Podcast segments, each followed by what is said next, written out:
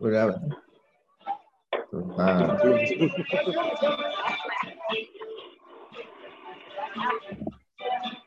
Oke, okay, uh, eh, selamat pagi semua. Assalamualaikum, damai sejahtera untuk kita semua. Uh, uh, mute dong Kak Irwan.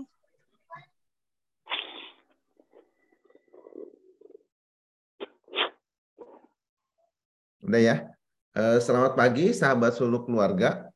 Uh, pagi ini kita kembali bertemu kembali dalam acara kultur parenting pagi edisi 16 Januari 2023. Uh, saya harap kakak-kakak semua dalam keadaan sehat walafiat semuanya.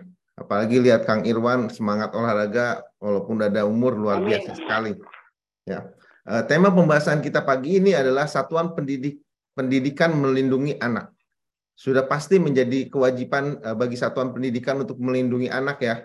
Karena perlindungan perlindungan merupakan hak anak yang juga dilindungi oleh undang-undang.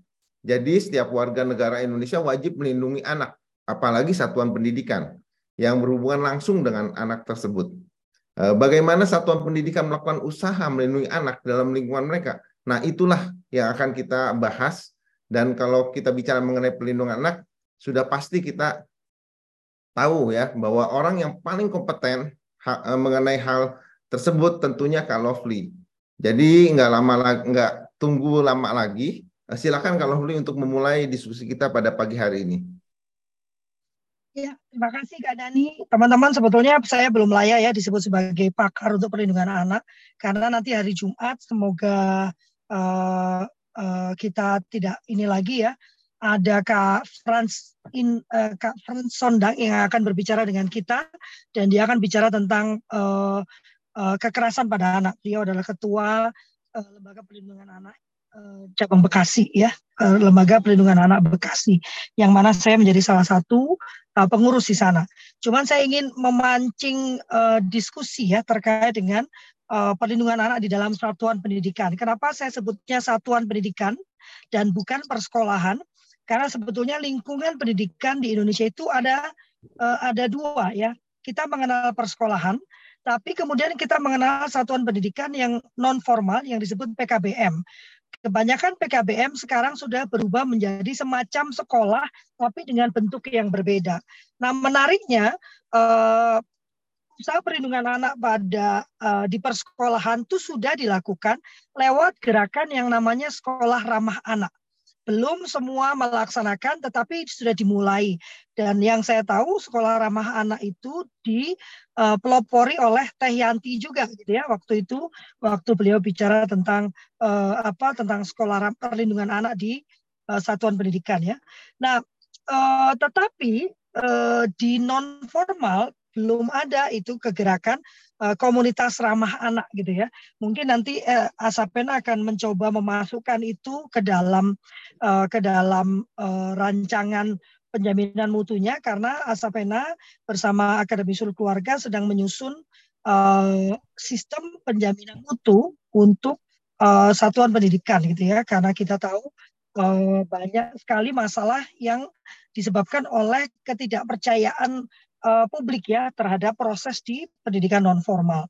Nah, namun sayangnya meskipun uh, sekolah formal itu sudah punya yang namanya sekolah ramah anak, uh, tapi sejauh yang saya tahu uh, bentuknya hanya berupa pledge, kemudian pelatihan-pelatihan yang dilakukan oleh fasilitator nasional. Nanti beberapa bulan ke depan kita akan bertemu dengan Oh, nah, minggu depan ya, malah ya, minggu depan kita akan bertemu dengan fasilitator nasional dan beliau akan bicara tentang konsep sekolah ramah anak ya, uh, Ibu Bekti ya. Uh, tapi bagi saya konsep ini masih di tataran konsep gitu ya, masih belum ada belum ada apa ya gerak nyatanya gitu ya. Memang sudah dibuatkan misalnya bagaimana membuat tata aturan, bagaimana berproses di dalam sekolah ramah anak, namun uh, tidak ada dibentuk kemudian satuan tugas yang kemudian memastikan bahwa semua yang sudah direncanakan itu dijalankan. Kita ini kan negara yang paling pinter bikin aturan, pinter bikin perencanaan, tapi selalu bolong-bolong di pelaksanaannya. Termasuk uh, perlindungan anak ya. Perlindungan anak itu uh, sudah berkali-kali direvisi bahkan terakhir tahun 2017 gitu ya tapi sampai hari ini kalau ada kasus yang terkait dengan anak itu pelaporannya masih luar biasa sulit gitu ya. Jadi uh, masih rapot uh, perlindungan anaknya masih sangat jelek.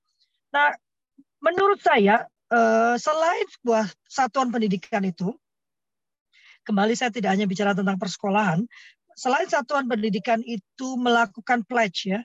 Nah, yang saya ingin tahu sebetulnya apakah pledge itu kemudian sudah uh, ditanyakan sebelumnya. Jadi sebelum sekolah itu karena bentuknya sekolah ramah anak itu di pledge dulu, dia menyatakan akan menjadi sekolah ramah anak, lalu berproses ya. Tapi waktu pledge itu dilakukan dia sudah berhak menuliskan di papannya sekolah ramah anak. Nah ini yang saya ingin tahu ya kalau di Cambridge misalnya, apakah uh, baru bayar kita sudah boleh pasang ataukah kita harus ikut ke standarnya dulu baru boleh pasang. Nah ini yang yang yang karena kalau di sekolah ramah anak itu sekolah cukup melakukan pledge dia uh, bersedia untuk menja uh, untuk uh, mempraktekkan sekolah ramah anak, dia sudah boleh memasang di sudut itu sekolah ramah anak, gitu ya. Karena kita tahu itu terkait dengan uh, marketing ya.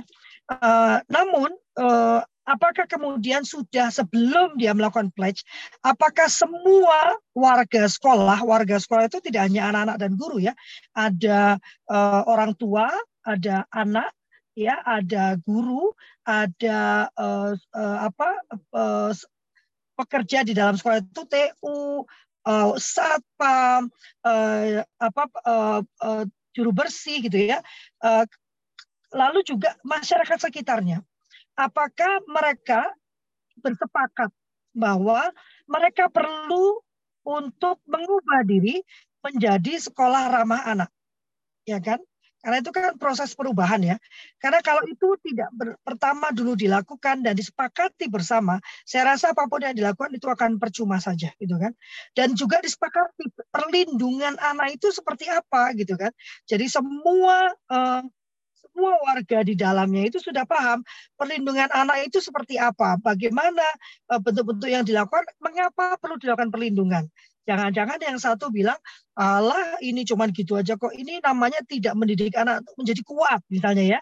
Kalau dikit-dikit dilindungi, dikit-dikit ini anak jadi tidak kuat. Uh, saya berapa kali disindir gitu ya.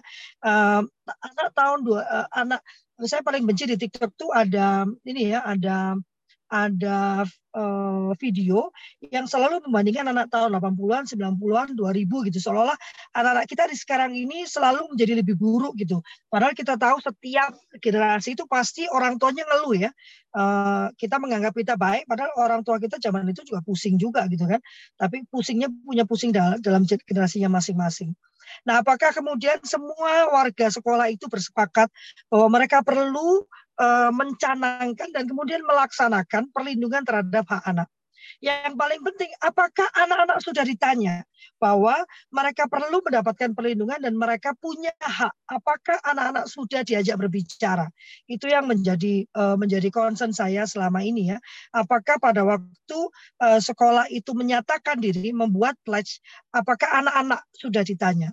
Gitu ya. Walaupun anak-anak anak akan menjadi objek dari perlindungan, tetapi dia sendiri juga merupakan subjek karena salah satu uh, apa salah satu dari empat prinsip perlindungan hak anak itu adalah didengarkan ya dan didengarkan pendapatnya gitu ya. Itu yang prinsip yang keempat. Yang ketiga adalah kepentingan terbaik bagi anak. Jadi kalau tiga dan empat ini kan maka anak harus diberi ruang untuk berbicara. Apakah pada waktu penetapan tersebut anak sudah diberi ruang untuk berbicara. Apakah, nah ini juga ya, apakah guru menganggap itu sesuatu yang penting untuk dilakukan? Apakah penting untuk menjadi program? Ataukah itu dianggap sebagai, Allah, nggak usah digituin juga kita sudah tahu gitu ya. Karena kalau itu disebut Allah, maka nanti menjadi beban. Jadi sebuah program itu jangan sampai menjadi beban eh, dan program itu menjadi beban apabila tidak disepakati bersama pada saat program itu hendak diluncurkan. Nah, kalau sudah itu terjadi, maka sebelum melakukan pledge perlu menyamakan persepsi dulu. Apa sih sebetulnya dan apa yang diperlukan gitu ya. E, kalau saya paling suka pakai cara dream board ya. Jadi di, dibuatkan dulu anak-anak dengan anak-anak gitu ya. Anak-anak dengan anak-anak, lalu e, orang dewasa dengan orang dewasa. Jadi guru dengan guru, orang tua dengan orang tua. Jadi dengan kelompoknya sendiri mengeluarkan pendapatnya membuat gambaran sekolah yang mereka idamkan itu seperti apa. Nah, nanti orang-orang bilang, ah, ya nanti mintanya yang mewah-mewah, Kak. Silakan dicoba. Karena sebetulnya bukan itu yang dibutuhkan, bukan itu esensinya. Kalaupun itu yang dimau, itu bisa menjadi program ke depan gitu kan kita kan selalu berproses dan berprogres ya jadi bisa juga misalnya oh ya nanti dalam lima tahun ke depan kita punya kolam renang sekolahnya misalnya gitu ya. Tapi jangan-jangan bukan itu yang diinginkan oleh warga sekolah kita. Bukan itu atau warga uh, satuan pendidikan kita. Bukan itu yang menjadi concern dari mereka. Jadi perlu dilakukan FGD kalau menurut saya. Walaupun FGD FGD itu bentuknya nanti adalah uh, hasil karya ya. Seperti apa sih sekolah idaman mereka itu? Bagaimana bentuknya, bagaimana interaksinya, bagaimana situasinya, termasuk orang tua. Seperti apa uh, sekolah yang mereka dambakan, mereka idamkan untuk anak-anak mereka. Guru-guru juga demikian. Bagaimana lingkungannya sampai mungkin ke pendapatan. Bagaimana pendapatan yang mereka inginkan yang bisa menyebut dirinya sejahtera. Bagaimana interaksi antara guru dan orang tua? Karena sering kali tanpa sadar orang tua ini um, karena dia sangat sayang sama anaknya mungkin ya uh, terlalu melakukan intervensi terhadap guru sehingga guru itu uh, pada saat mengajar itu menjadi tidak nyaman. Uh, saya pernah memimpin sekolah alam ya sampai kemudian saya membuat tata aturan bahwa orang tua tidak boleh masuk ke dalam gerbang kecuali mendapatkan izin dari manajemen. Jadi kalau dapat izin itu ada ada name cardnya gitu yang harus mereka pakai dan jelas tujuannya apa, kapan dan jam berapa kami yang menentukan jamnya. Mengapa? Karena Eh, guru-guru merasa tertekan dengan orang tua yang terus berkeliaran dan kemudian menghabiskan banyak waktu karena orang tua kemudian di tengah mengajar mau ketemu guru, mau ngobrol, eh, mau memberikan masukan gitu ya. Eh, maksud kita baik memberikan masukan, maksud kita baik untuk kemajuan sekolah, tetapi apabila atau satuan pendidikan, tetapi apabila tidak diberikan pada jalur yang tepat, maka itu malah akan menambah tekanan kepada guru-guru. Sehingga waktu itu saya memutuskan tidak boleh ada interaksi langsung antara guru dengan orang tua. Karena kita kadang-kadang itu merasa kita lebih pintar dari semua orang ya. Kemudian Eh, setelah kemudian masing-masing membuat gambaran tentang sekolah yang dia idamkan, maka kemudian gambaran ini disatukan ya, disatukan menjadi satu gambaran besar. Jadi wakil-wakil dari tiap kelompok itu berkumpul kembali lalu membandingkan hasil mimpi mereka dan kemudian menemukan jalan tengah atau kesamaan dari mimpi yang mereka miliki. Kembali ya, Jangan lalu uh, berpikir bahwa ah, pasti mintanya itu fasilitas, fasilitas. Jangan-jangan bukan itu yang menjadi penting gitu ya. Karena kalau fasilitas maka harusnya sekolah, sekolah seperti sekolah alam nggak laku dong. Karena dia itu kan benar-benar bersandar pada alam ya. Maka kita perlu, makanya kalau dalam membuat hal ini yang pertama mesti dihilangkan itu prejudis ya, atau prasangka syakwasaka. Kita harus mau memandang dengan mata eh, mata yang jernih dan hati yang terbuka. Nah setelah kemudian FGD itu dilakukan, baru kemudian disepakati bahwa kita perlu melakukan pledge ini. Dan baru kemudian meminta kepada uh, dinas pendidikan setempat untuk memberikan pledge-nya.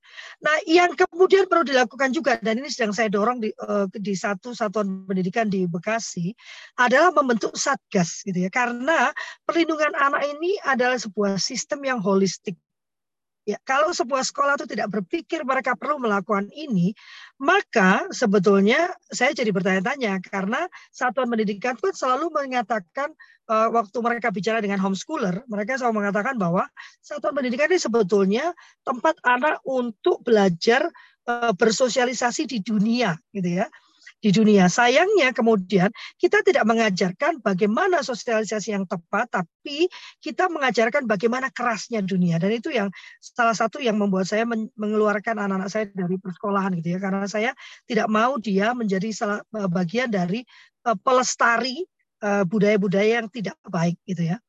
Nah, sehingga kalau itu yang mesti dilakukan, maka satuan pendidikan itu mesti berkumpul bersama karena kita tahu sekolah impian itu seperti apa, kita sama-sama tahu apa yang diinginkan oleh seluruh stakeholder uh, dan uh, kemudian sistem itu dibentuk gitu ya. Bagaimana interaksi antara guru dengan murid, apa tugas BK, semuanya dituliskan secara rinci. Kak ribet banget ya? Ya bagi saya memang perencanaan itu selalu ribet gitu ya. Uh, uh, Kak Dani mungkin tahu ya beberapa kali saya malah ngajak ketemu cuma mau bikin planning uh, apa uh, uh, analisa gitu ya. Uh, walaupun nanti di, di, di perjalanannya kita banyak mengalami pengembangan atau kreativitas ya enggak masalah itu tapi yang penting ada satu perkataan mengatakan orang yang tidak membuat perencanaan itu sudah berencana untuk gagal gitu ya jadi sekolah itu perlu kemudian membuat dokumen yang utuh yang melibatkan seluruh anggota Satgas. Dan anggota Satgas itu ingat harus terdiri dari seluruh uh, stakeholder dari satuan pendidikan tersebut, termasuk di dalamnya masyarakat, termasuk di dalamnya orang tua, dan juga yang terpenting adalah anak. Dan apa isi dokumen tersebut? Segala mulai dari A sampai Z yang mengatur tindak tanduk dan peletakan uh, ruangan dan bagian-bagian dari satuan pendidikan tersebut. Jadi seperti membuat blueprint gitu ya. Uh, mau seperti apa sekolah kita, ke mana arahnya. Dengan demikian sebetulnya kurikulum merdeka menjadi sangat amat relevan ya. Uh, kurikulum merdeka yang seperti yang di buat di awal ya, bukan yang pengembangannya sekarang yang sudah makin seperti kurikulum biasa dengan format-format yang begitu banyak, tekanan-tekanan pada anak dan juga pada guru yang menurut saya ya absurd ya. Tetapi sebetulnya kalau kemudian kurikulum merdeka itu meminta tentang um, apa itu uh, proyek profil pelajar Pancasila, sebetulnya lewat uh, proses perlindungan anak di dalam satuan pendidikan tersebut, maka proyek itu sudah bisa dilakukan. Bagaimana anak-anak berkolaborasi, bagaimana anak-anak menunjukkan toleransi, bagaimana dia berpikir kritis, itu sudah masuk dalam uh, kegiatan penyiapan, pengembangan, analisa, dan juga penerapan dari program perlindungan anak itu sendiri. Kalau itu yang dilakukan, maka beban guru tidak bertambah karena sudah menjadi bagian dari uh, kegiatan dalam perlindungan anak dan anak-anak memahami bagaimana sebetulnya dunia itu harusnya berjalan, bukan seperti yang ada sekarang.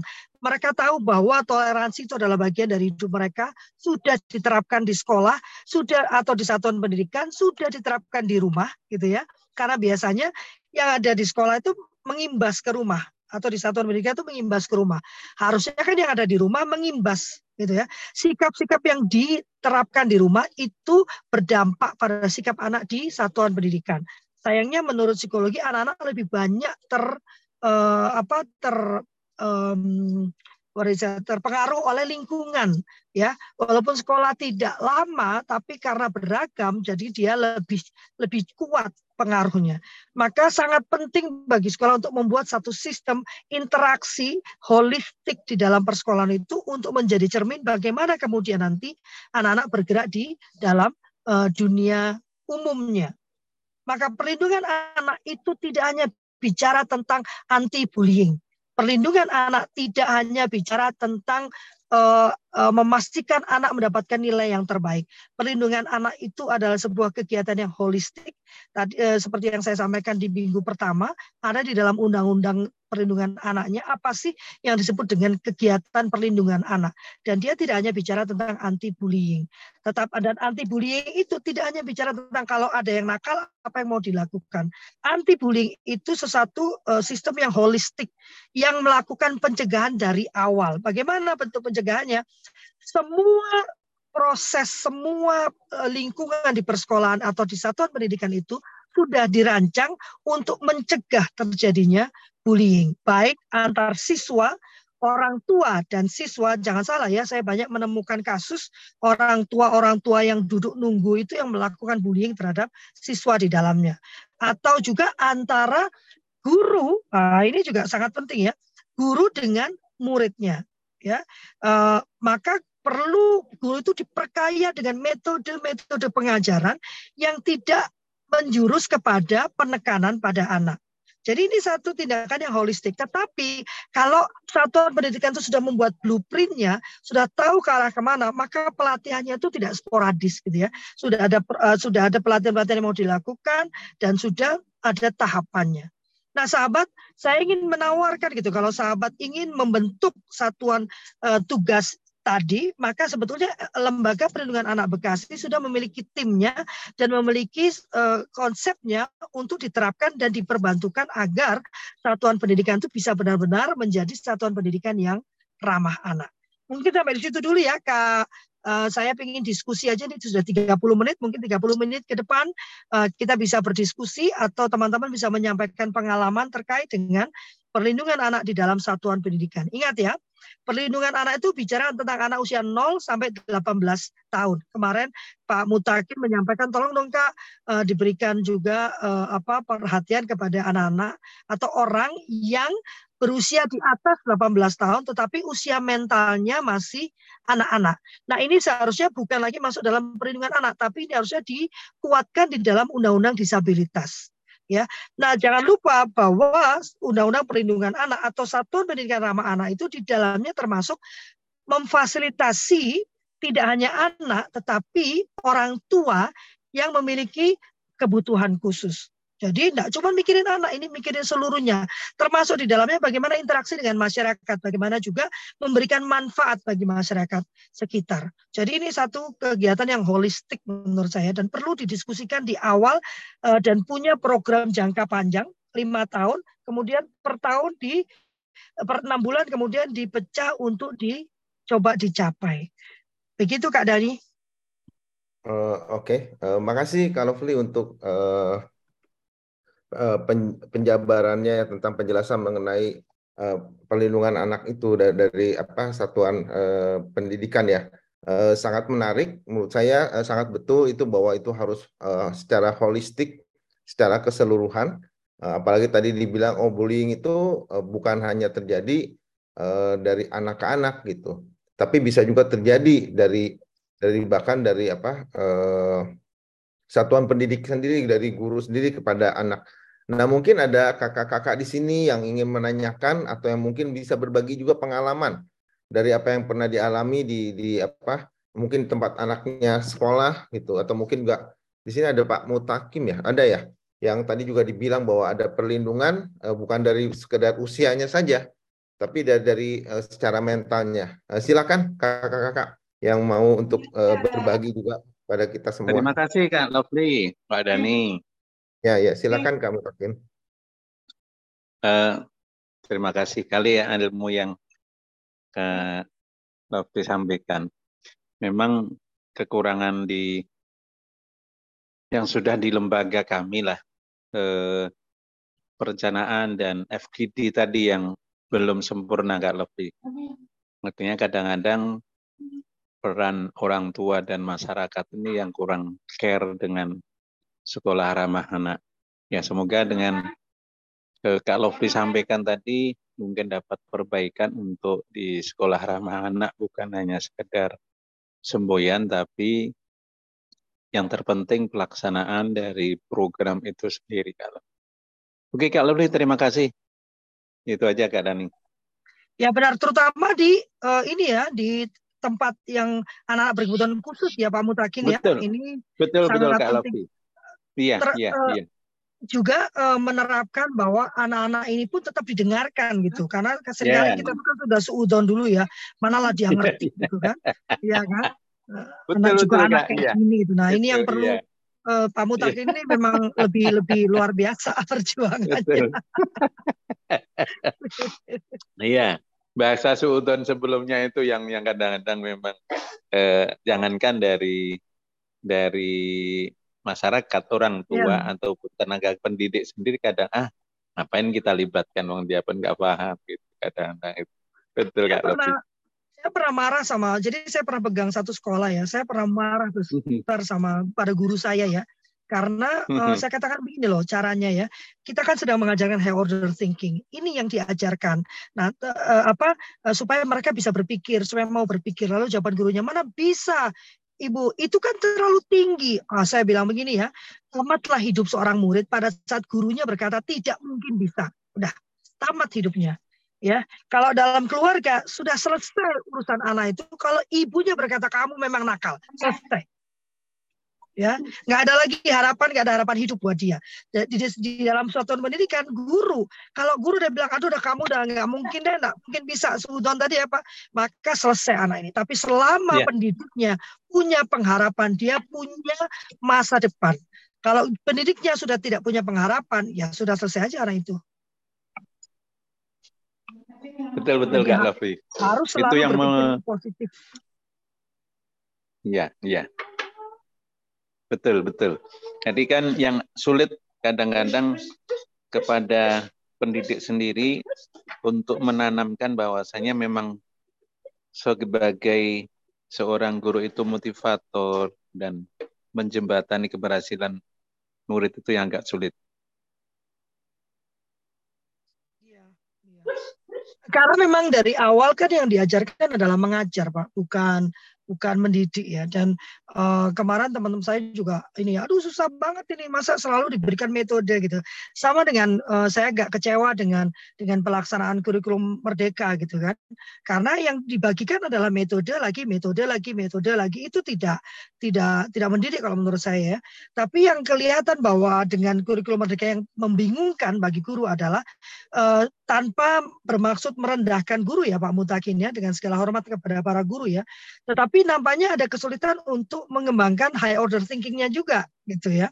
Uh, tidak terbiasa untuk berpikir uh, hot hot gitu ya high order thinking gitu sehingga pada saat diberikan konsep yang baru itu mereka sangat memerlukan uh, turunan yang jelas gitu. SOP yang sudah rigid banget baru bisa dilakukan.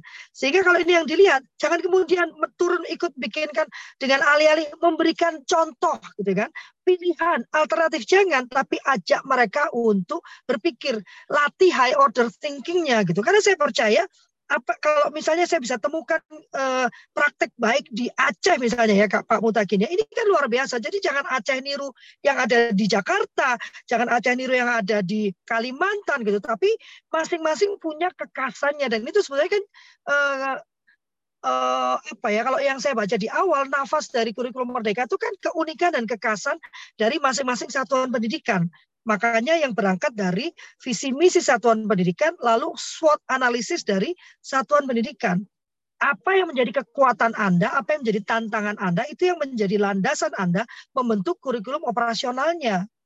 Bukan kemudian fokus pada gimana caranya, gimana caranya, itu sebetulnya menurut saya ya bagaimana ke, eh, bagaimana kekuatan yang ada di sekolah Anda gitu. Kalau sekolah Anda sekolah alam ya jangan ngomongin soal pakai gadget terus gitu kan. Ya coba bagaimana bisa mengajarkan di persekolahan Anda. Kalau anak-anaknya memang sukanya berkebun ya jangan ngomong tentang uh, laut terus gitu kan. Ya nggak nyambung gitu kan. Itulah kenapa SWOT analisis itu dimasukkan. Tetapi yang sekarang itu kan uh, alih-alih mencoba mengajak guru-guru itu untuk belajar bagaimana high order thinking yang dibagikan justru metode-metode yang memang tinggal di copy paste gitu. Oh iya gitu ya caranya. Oke, oke saya cobakan. Bukan itu gitu. Diajak mereka berpikir berkreasi. Bagaimana mereka bisa melakukannya. Coba uh, uh, buat anak kok diuji coba ya. Memang demikian. Kita tuh kan memang trial dan error mencari mana yang terbaik buat anak-anak kita dan terus bergerak dan terus ber, berevolusi gitu kan. Berevolusi malah ya. Dan uh, yang yang berikutnya memang uh, menurut saya ya uh, uh, kita sama sesama rekan guru saja suudon. Ya Pak Mutakin ya. Nggak mungkin bisa. Waduh berat ini. Waduh susah ngomong sama guru itu. Nah, kalau itu saja pada teman kita yang satu level aja sudah suudon aduh kayaknya susah deh nih Bu. Nggak bisa deh. Bagaimana dengan anak nggak mungkin pada anak kita lebih positif gitu ya. Termasuk juga kalau kita tidak terbiasa berpikir kritis analitis, hanya menunggu perintah dan menunggu SOP, menunggu format, bagaimana kita bisa mengajarkan berpikir kritis analitis pada anak? Nggak bisa gitu. Itu sebabnya sekarang malah justru anak terbebani dengan kurikulum merdeka dari jam 7 pagi gitu ya sampai jam 3 sore dilanjutkan dengan proyek profil pelajar Pancasila. Ini mana merdekanya? Saya dimarahin terus sama teman-teman karena terus saya protes tentang kurikulum merdeka. But bagi saya ini malah kurikulum yang lebih buruk dari kurikulum yang lalu. Kalau seperti ini caranya ya. Ya, pola tadi Kak yang apa?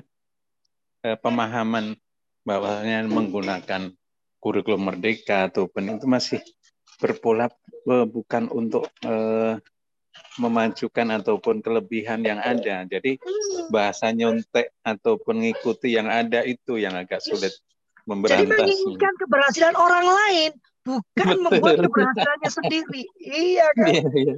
Soalnya iya, hebat betul, banget loh. Ya nggak apa-apa, soalnya hebat banget. Sini juga hebat kok gitu. Dengan iya. keunikan kita sendiri itu. Betul. Bu Eros ini kayaknya udah wajahnya udah pengen ngomong nih. Gimana Bu?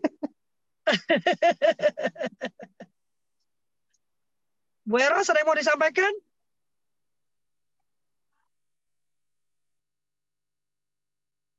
Bu Eros, Bu Eros nyambung gak sih sama ini? Nyambung harusnya. Oh enggak, enggak nyambung. Kak Deli boleh di eh, boleh di uh, dituliskan ke Bu Era supaya dia nyambung ke suaranya karena dia enggak nyambung ke suara. Ya, perjuangan kita masih panjang Pak Mutakin ya, terutama untuk meyakinkan eh, teman-teman uh, sejawat kita, para guru yang terhormat bahwa mereka mampu kok. Dan kalau mereka mau me, me, uh, apa me, uh, rely, apa mengandalkan pada um, Eh, kepercayaan bahwa anak-anak murid mereka mampu melakukan, sebetulnya tugas guru jadi lebih mudah gitu ya. Pada saat anak-anak diajarkan untuk terus berlari dan mencari, sebenarnya tugas guru hanya menjadi fasilitator gitu. Kita tidak perlu lagi menjadi pengajar, kita lebih menjadi fasilitator dan itu yang yang yang di dimintakan oleh kurikulum merdeka. Jadi sebetulnya yang dimintakan sudah luar biasa. Konsep awalnya luar biasa. Cuman tidak sabar untuk mengubahkan paradigma. Karena sama dengan kita membuat sekolah ramah anak tadi kan. Yang pertama harus ditentukan adalah perubahan paradigma. Paradigmanya belum berubah. Sudah ada aturan yang numpuk. Itu menjadi beban. Dan akhirnya kita maunya uh, melindungi malah melakukan pelanggaran subsidinya lama ya nggak apa-apa lebih baik lama di situ kita bersepakat dulu setelah itunya lebih gampang tapi kalau tidak ada kesepakatan maka segampang apa pun uh, konsep yang kita buat sistem yang kita buat tidak akan bisa dilaksanakan benar nggak Pak ada yang mau membantah saya nggak tentang itu gitu kan?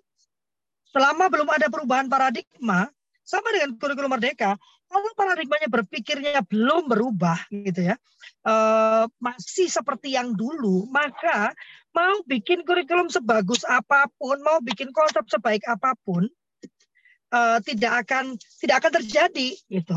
Kak Deli boleh dibagikan uh, link WhatsApp grupnya dan teman-teman saya kembali mengundang teman-teman untuk WhatsApp itu dimanfaatkan. Gitu. Silakan berdiskusi di sana. Jangan diam saja menunggu saya membagikan sesuatu gitu ya.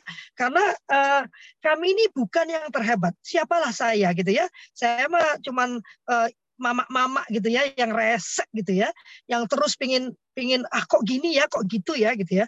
Tetapi dengan kita berkumpul kita saling berdiskusi maka kita bisa menghasilkan sesuatu yang lebih baik. Itulah kurikulum merdeka. Dari masing-masing kita men mencurahkan pendapat, memberikan masukan apa pengalaman kita dan belajar satu sama lain sehingga menghasilkan sesuatu yang luar biasa. Hari gini itu tidak bicara tentang persaingan, bukan siapa yang lebih baik dari yang lainnya, tapi bekerja sama. Kita saling memahami kekuatan kita masing-masing dan membangun, mensupport kelemahan masing-masing. Bagaimana ini kok diam saja yang lainnya? Ini padahal ya. banyak hari ini loh. Kak Eros atau Kak Usi atau Kang Irwan mau untuk berbagi? Ada oh, Kang Irwan nih, keren. Ya, ini ada adikku juga nih, uh, Kak Faras nih. Hanya Adikmu banyak kali sih, Kak. Gimana? Adikmu banyak. Banyak. Aku, tapi kaget-kaget aku baru panggil pagi-pagi langsung gabung. Oke. Okay. Uh, pagi, Kak Faras. Salam kenal. Saya juga adiknya Kak ini Kak, Kak Irwan. Saya sekarang Salafli. Saya psikolog di Bandung sudah kerja jadi eh, praktisi dari tahun 88. Luar eh, biasa. Uh, saya banyak sekali bekerja sama dengan apa? Suaranya putus-putus ya? Uh -uh. Iya, mental kayaknya. Neng Farah. Itu juga kita tangani. Itu Kak Farah, tadi keputus suaranya boleh diulang? Eh, saya cukup banyak menangani anak-anak dengan bullying. Eh, Ah, di- ya, karena memang cukup banyak anak-anak berkebutuhan khusus juga yang saya tangani. Dan saya jadi konsultan dari banyak sekolah, sekolah-sekolah inklusi di Bandung, Kak Lafli. hmm. Ya, saya saya tertarik sekali dengan eh, kurikulum Merdeka yang Kak Lafli sampaikan itu keren banget. Karena itu kayaknya ideal sekali ya, gitu. Jadi sekolah benar-benar melihat anak secara holistik dan betul-betul eh, spesifik gitu. Jadi benar-benar tidak melihat anak secara klasikal. Nah, hanya yang ingin saya tanyakan, Kak Lafli, Eh, sebentar, saya tuh sering sekali memberi masukan kepada para guru. Salah satunya adalah dengan memberi konsekuensi yang berat kepada pelaku-pelaku bullying ini, gitu. Karena dampaknya sangat buruk sama kepribadian anak-anak ini. Nah, jadi saya sangat tertarik dengan program dari Kalafli ini, keren banget. Nah, hanya yang jadi pertanyaan saya, seberapa banyak anak-anak yang bisa dimasukkan ke dalam jenis sekolah ini karena kan sepertinya lebih bersifat individu ya. Jadi lebih dari small class gitu. Kalau small class itu kan udah 9 17 sampai 20 murid. Kalau kurikulum merdeka hanya berapa ya Kak yang bisa di di uh, terpadu di maksudnya kita terima tuh hanya berapa orang gitu di sekolahnya. Ya, nomor satu Bu, saya pernah membaca satu uh, satu kak uh, kak kak kak kak oh ya kak Farah soalnya aku juga 88 tapi mukanya masih muda banget ya. Wajahnya muda banget. Jadi kak saya pernah membaca satu uh, satu artikel atau satu saya lupa ya atau buku atau apa ya karena kan dalam dalam pembentukan konsep uh, satgas anti bullying itu saya banyak baca ya. Tidak uh, sebanyak yang lainnya ya. Saya, saya pernah membaca lah ya. Saya kok kayaknya ini ya.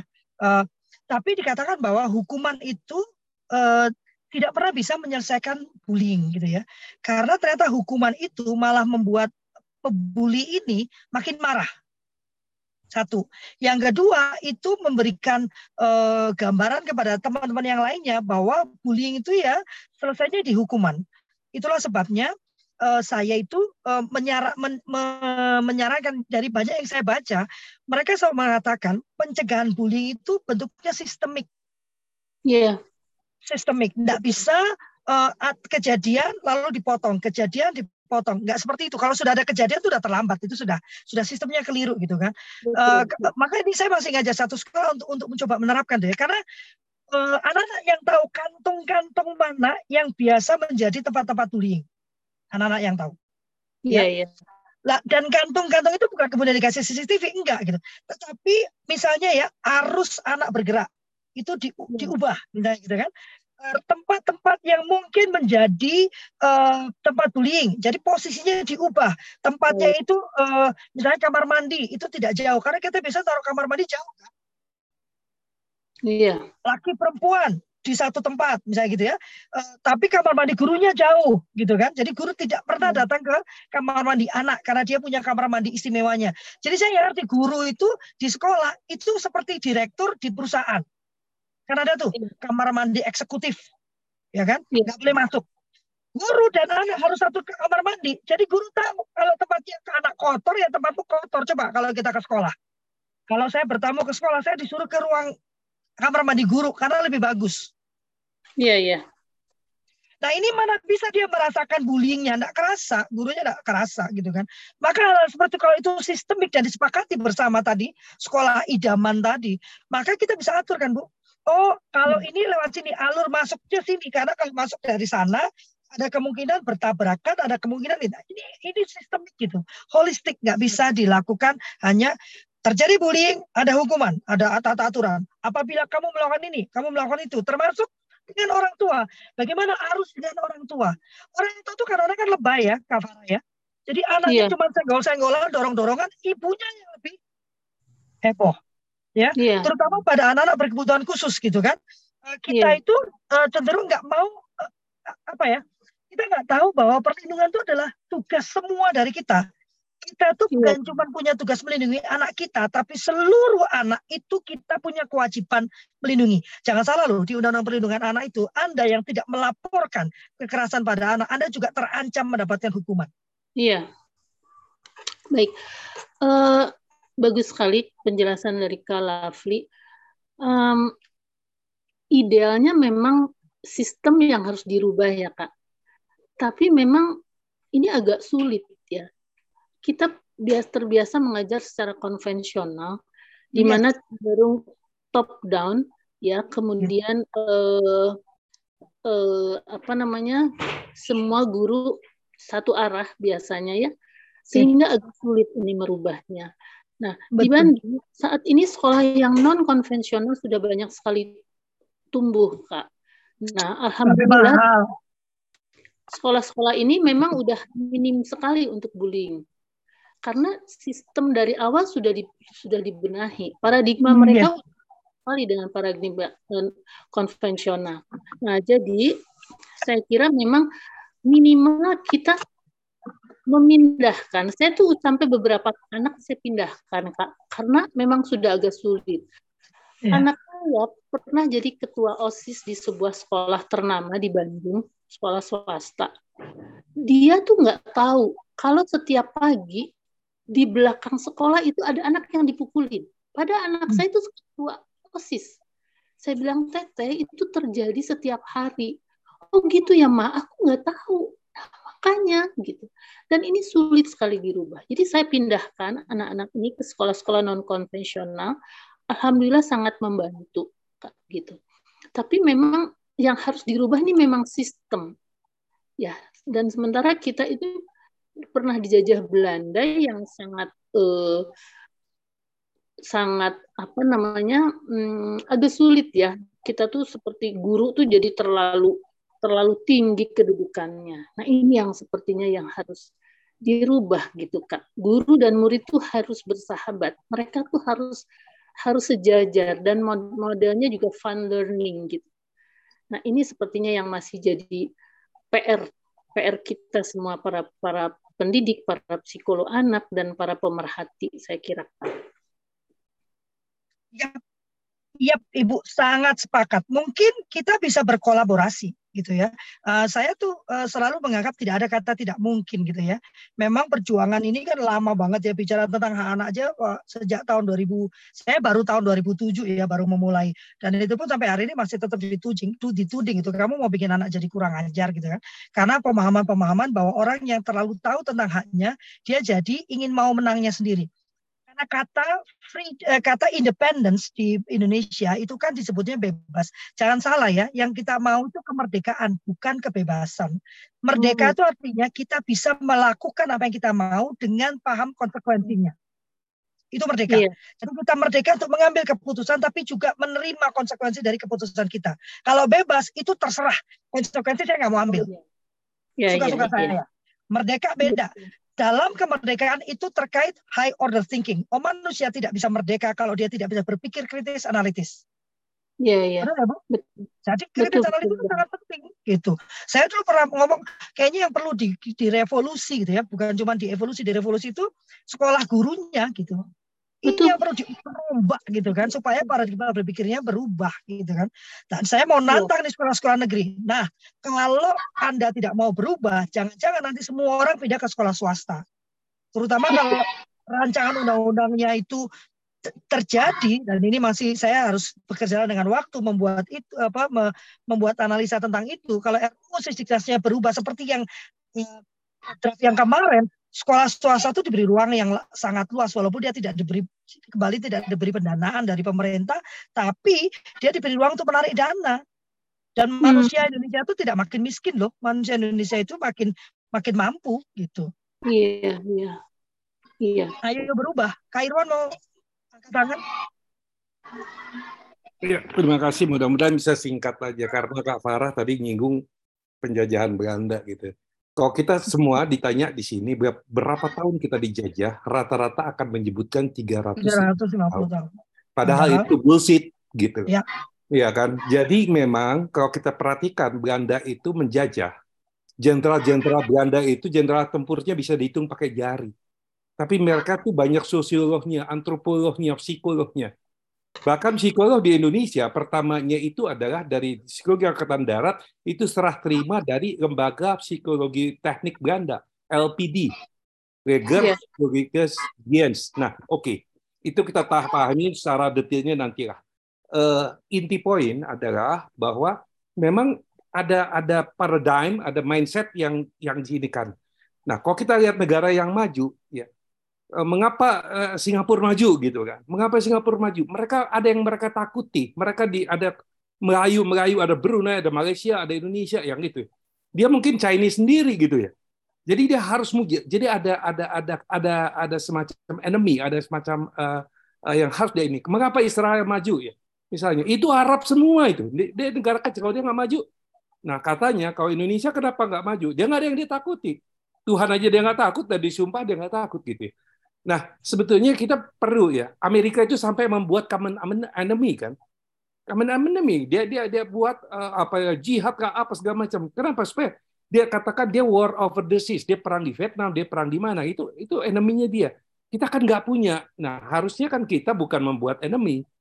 Enemy kita adalah kebodohan, enemy kita ada apa gitu. Ya. Nah, kalau Kak Farah memang ke anak, saya juga sekarang kan jadi parenting. Padahal saya tadinya tuh orang dewasa karena apa? Susah mendidik orang dewasa. Kasih training pelatihan, begitu dia balik ke kantornya, balik lagi nyanyinya aku masih seperti yang dulu gitu kan. Nah, jadi kan sebetulnya ada basic, ada basic ini yang yang ini. Jadi saya saya tekankan sebetulnya inti poinnya. Kalau kita lihat sebetulnya ada karakter yang harus kita utamakan. Apa itu? How to be a good listener. Bagaimana ya, ya. orang bisa dididik untuk menjadi penyimak yang baik. Orang akan menjadi pintar dengan menyimak bukan dengan berbicara. How to good a speaker itu gampang gitu. Insya Allah gampang gitu. Tapi untuk menyimak itu susah. Sekian aja uh, Kak. Terima kasih. Saya sangat setuju ya. Saya baru merenungi soal itu ya karena uh, uh, dalam banyak hal, dalam banyak hubungan permasalahan selalu di komunikasi. Dan kalau kita bicara komunikasi, selalu fokusnya adalah bagaimana kita berbicara uh, atau bagaimana kita memakai menggunakan kata-kata. Uh, saya saya ini menyinggung satu konsep tertentu ya, untuk menekan saraf-saraf orang ya sehingga mereka mau ikut, mau mau patuh gitu ya Kak Irwan ya. Saya nggak usah nyebut ininya ya. Tapi sebetulnya yang perlu kita ajarkan sekarang ini pada kita semua adalah keterampilan mendengarkan Nah, Kak Irwan, keterampilan mendengarkan itu landasan utama dari kita melakukan high order thinking. Bagaimana kita bisa menganalisa kalau kita tidak mau mendengar dan menyimak? Bagaimana kita bisa menganalisa kalau kita tidak mau merunut? Jadi kalau ada orang ngomong itu jangan langsung direspon, tapi dicek benar nggak sih ini ini ke mana, ini apa? Nah ini yang yang yang tampak sekali dalam kehidupan kita bersosial media kan, cepet banget iya. itu kan eh, share share share gitu kan tanpa ngecek tanpa duduk dulu tanpa masuk paling nggak gini loh uh, logikanya aja masuk akal nggak sih yang dia katakan itu? Itu dulu kan nggak ada. Selama itu uh, common enemy sudah dibentuk, tapi masalahnya common enemy-nya adalah sesuatu yang sudah tidak ada lagi. Sekarang ini kan common enemy-nya PKI, Kak Irwan. Apa-apa jangan-jangan ini gerakan PKI. Apa-apa ini wah ini sesuatu. Nah, ini oh. ini ini menurut saya um, karena kita tidak terbiasa berpikir berpikir kritis analitis gitu loh Kak Irwan ya. Common enemy-nya saya sepakat kebodohan, kemiskinan itu common enemy. Bagaimana kita kemudian mencegah itu terjadi gitu kan? Bagaimana kita bisa menghentikan itu? Masalahnya beberapa dari kita memang tidak mau membuat orang lain pintar. Karena kalau semua orang pintar, kita berpendapat kita tidak punya kekuasaan lagi. Termasuk di dalamnya uh, tadi saya mau jawab Kak Vivi ya, Kak Vivi ya. Uh, bagaimana saya dulu pernah ngajar anak-anak ya, dan mereka itu waktu waktu ngerjain, padahal mereka bikin proyek masing-masing individual.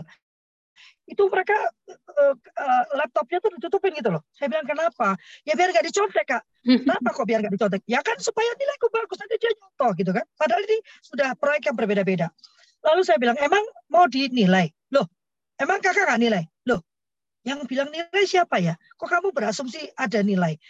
Uh, memang kamu mau dinilai? Enggak, lah kenapa kamu ngomong ada nilai? Oh aku nggak ngomong kok kamu kok ngomong nilai. Berarti kamu mau dong? Nggak mau kak gitu. Oke. Dan setelah itu mereka sangat bekerja sama. Mereka berkolaborasi walaupun dengan topik-topik yang ber yang berbeda. Dan satu lagi kak, bagaimana kita mau mengajarkan anak berkolaborasi? Orang gurunya juga mau kolaborasi. Kurikulum mereka itu akan sangat luar biasa apabila guru mau berpikir bersama-sama. Alih-alih yeah. guru matematika tetap jadi guru matematika, fisika, jadi proyeknya banyak banget ya satu guru bikin satu proyek gurunya pun pusing. Kenapa nggak membentuk dewan guru? Duduk bareng. Dulu itu tahun 2007, 2006 Amerika tuh bikin konsep namanya understanding by design. Ya. Yeah. Jadi understanding by design itu dewan guru berkumpul menentukan understanding apa yang mau dibentuk dalam tiga bulan ini dalam pembelajaran ini apa yang mau dilakukan? Maka kemudian di lah satu proyek semua sehingga anak itu pada waktu pengerjaan proyek ini dia memahami beberapa konsep. Itu sebetulnya tanpa saya nggak tahu karena saya nggak nyontek ya tapi itu yang dituju oleh CACT cara asik cari tahu. Sekali dia mengerjakan uh, mengerjakan uh, penelitian dia menyelesaikan beberapa kompetensi. Karena kan ilmu itu kan saling jalin menjalin ya. Iya dan ini kan baru ilmu dasar gitu loh. Belum menjadi ilmu penjurusan. Kecuali kalau sudah teknik fisika ya memang ngomongnya teknik fisika doang ya. Iya, iya. Ya, kalau Lovely. Jadi kalau di sekolah-sekolah yang non konvensional itu penanganannya pendekatannya memang saling bekerja sama, berkolaborasi semuanya. Jadi dalam hal ini orang tua pun dianggap sebagai ahli gitu. Jadi guru Eh, psikolog, psikolog sekolah, dan orang tua dilibatkan. Jadi di sini orang tua sangat punya wewenang untuk memberi masukan juga, karena kan orang tua juga punya latar belakang yang berbeda dan mereka juga banyak yang cerdas-cerdas. Mereka oh, ya. dokter tapi ahli pemerhati pendidikan. Mereka ahli ekonom tapi pemerhati pendidikan. Nah, hal-hal seperti ini tuh biasanya kalau di sekolah sekolah yang non konvensional mereka mereka catat keinginan para orang tua ini.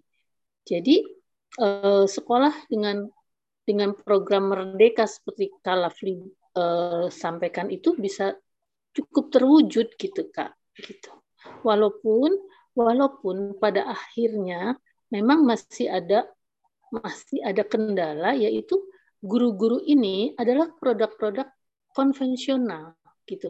Pada saat mereka mengajar karena mereka ujung tombaknya kadang-kadang yang masih agak susah juga gitu. Jadi ujung-ujungnya masih ada labeling juga, masih ada eh, apa namanya? masih ada reward dan konsekuensi yang terlalu berat juga dihukum lagi, dihukum lagi gitu. Nah, itu sih gitu. Jadi memang pekerjaan kita masih panjang kalau untuk dapat sekolah panjang yang sekali. Ayo Kak Farah bergabung dengan kami. Sebenarnya kultur parenting pagi ini sebuah kegerakan ya karena ini kan disediakan free ya. Ini sebuah kegerakan. Kalau kita bicara tentang uh, apa uh, lembaga yang saya pakai untuk ya mencari dana lah ya itu kita pakai akademi suluh keluarga. Tapi kultur parenting kita bersepakat bahwa ini adalah sebuah kegerakan. Terus mengetuk hati para orang tua ya. saya berharap sedikit-sedikit banyak yang mengalami perubahan. Nggak banyak nggak apa-apa dimulai dari satu orang kan lalu bergerak ke orang yang lain sudah jam 8 ini Kak Kak Farah nanti Kak saya minta nomor kontaknya dari Kak Irwan ya baik baik Ya, Kak Irwan ya, itu bisa senior, Ken senior saya yang Jadi, keren banget. Ya. ya kayaknya senior semua orang ya. Tua kali kok Kak Irwan. itu artinya tua gitu. Ya makanya aku bilang tadi tua kali kok Kak Irwan. Kata lain dari senior daripada dibilang tua minggu bilang senior. Kami berdua ke Bandung kita bertemu ya uh, Pak Bu Kak Farah ya. Sebenarnya di Bandung itu ada Kak, Kak Yanti tapi dia sekarang sedang asik di Kampar di daerah uh, Baik. Saya tertarik sekali ini. Ini pembicaraan ini tertarik sekali karena betul-betul ini berubah merubah paradigma pendidikan di Indonesia. Tapi ya sulit ya sampai saat ini. Yang baru saya saya tempuh itu adalah sekolah-sekolah itu jadi mereka karena kirim pasiennya banyak ke saya, saya juga kalau ngasih surat itu lumayan agak panjang gitu. Jadi mereka bilang ngerti banget katanya e, kalau saya jelaskan karena rinci dan sarannya pun sangat e, spesifik katanya gitu kata guru-guru. Sebetulnya Kak Farah ya, yang saya ada dalam bayangan saya, sekolah itu harus mengubah bentuknya. Dia itu uh, seperti rumah sakit kalau menurut saya ya seperti rumah sakit sehingga dia harus punya data perkembangan anak yang lengkap nggak cuman bobotnya nggak cuman uh, uh, kompetensi apa uh, uh, kognitifnya tapi juga ya. perkembangan emosional Ya. Nah ini yang perlu kita coba, eh, kita perlu kerjasama untuk membuatkan format-formatnya kak, yang tidak memberatkan. Tetapi coba ya, anak kelas 1 pindah ke kelas 2 gitu ya. Nah, hmm. kelas 1, kelas 2 ini nanti gurunya yang kelas 2 kan kayak nol lagi. Dia nggak tahu latar belakang murid ini. Nanti jadi rumpian. Nggak perlu rumpi. Harusnya ada satu file yang dibawa anak ini terus. Iya, iya sampai dia lulus gitu kan sehingga dia akan kelihatan gitu perkembangannya gitu dia sendiri bisa melihat ya orang tua bisa melihat uh, guru yang membimbing bisa melihat gitu. Jadi nggak nol lagi nol lagi nol lagi gitu kan. Ada keberlanjutan gitu loh. Saat ini kan yang kita fokuskan cuma kognitif doang kan. Oh matematikanya dari ini sudah tahu yang ini belum tahu gitu kan. Tapi bagaimana dengan perkembangan emosinya bagaimana dengan perkembangan psikisnya gitu kan bagaimana dia memahami kehidupan ini kan ada kan dan itu kan bisa dibuatkan format yang sederhana gitu, Kak, Kak apa Kak Farah, sehingga kita ya. bisa membantu guru itu melihat dan berkelanjutan. Uh, saya memang ini ya belum berhasil membuat satuan pendidikan sendiri, tapi bayangan saya Kak Dani, kalau satu hari nanti Tuhan memberkati kita membuat satuan pendidikan, satuan pendidikan kita tuh harus holistik gitu, benar-benar tercatat semua perkembangan anak. Saya pernah terapkan di TK yang saya pimpin dan itu sangat membantu. Kalau anak itu bermasalah atau orang tua protes, saya tinggal keluarkan aja gelar aja itu. Uh, apa uh, nggak cuma protes ya. Kalau anak itu baik, saya gelar juga. Saya panggil orang tuanya nih, ya. Dia lihat emosinya bagus sekali di sini. Apa yang terjadi? Oh kemarin tuh ini kak, soalnya kan eh, bu, soalnya kan mamanya, neneknya datang. Jadi kita tuh sering melakukan ini. Bisa nggak ini yang ini dilakukan terus gitu? Bahagia ini ini dipertahankan karena waktu dia seperti ini nih, cepat banget pahamnya gitu kan. Nah ini yeah. kan iya. orang tua juga perlu diberi diberi apa diberi masukan yang sama gitu loh kak Farah ya, sehingga kerjasama yeah. itu terjalin gitu. Jangan lupa ya fungsi orang tua itu di rumah, fungsi guru di sekolah, jangan cross crossing. Iya, iya. Ya, ini ada lebih dulu kak. Wah, iya eh, semangat sekali. Eh, saya juga semangat eh, dengar Kak Farah mau untuk apa membagi ilmunya mau berpartisipasi dengan kultur parenting juga dan uh, semangat juga untuk buat satuan pendidikan uh, kalau Fli. Ini sebenarnya ada ada ada dua pertanyaan dan pernyataan juga di chat oh. mungkin nanti bisa dilanjut aja kali ya kalau Fli. Ada satu satu dari uh, Kak Vivin dan satu lagi dari hmm. Kak Ferry. Kak Vivin tadi udah aku jawab Kak. Oh, Kak Vivin udah aja. Kalau Kak Ferry itu bicara mengenai Uh, dulu di sekolah anak saya orang tua dikasih kesempatan untuk mengajar dan ben, dalam dalam bentuk memotivasi berdasarkan expert yang bersangkutan untuk iya. dapat membuka wawasan siswa. Nah, ya, saya rasa itu satu Kalau yang di Amerika itu ada itu ya apa uh, apa profession profession day ya hari profesi ya. Iya iya. Ya itu bagus banget tuh masukan banyak sekali untuk untuk sekolah. Tentang... Itu bagus banget untuk anak-anaknya Hmm. tapi juga bagus banget untuk orang tua. Jadi orang tua tahu betapa sulitnya guru di depan kelas mencoba mengendalikan anak-anak sehingga dia yeah. tidak lagi rewel ke guru gitu loh. Karena orang tua gitu juga bisa anak saya jadi itu anak saya perhatikan. Nah kalau dia pernah merasakan ada di kelas itu uh, rasa penghargaan tuh muncul gitu. Iya, iya. Iya betul sekali. Uh, jadi holistik itu kan jadi dilibatkan juga orang tua di sini. Iya tahu banget dan masyarakat masyarakat juga perlu dong oke okay. Ah, ini udah jam 8 lewat uh, nanti mungkin kita lanjut foto. di chat grup ya nanti kalau aku juga udah mau kerja ya iya Oke oke oke. Foto foto foto. Ya foto dulu ya sambil. Kadang jangan lupa fotonya kemarin dia lupa dia karena ngobrol sama kakaknya.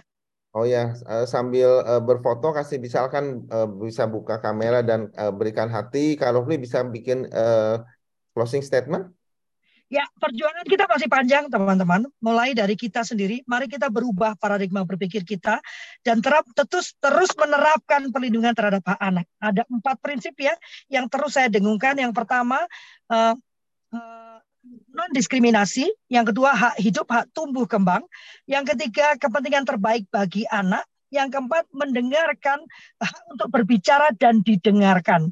Empat ini kita terapkan dalam semua segi kehidupan kita pada saat kita berbicara dan berurusan dengan anak anak siapa pun itu dan bagaimanapun latar belakang dan kondisi anak. Empat prinsip itu harus terap, tetap diterapkan. Terima kasih. Oke, uh, makasih banyak kalau Fli untuk untuk uh, semua uh, pemaparannya ya. Uh, bagaimana bahwa satuan pendidikan uh, memang punya kewajiban untuk melindungi anak.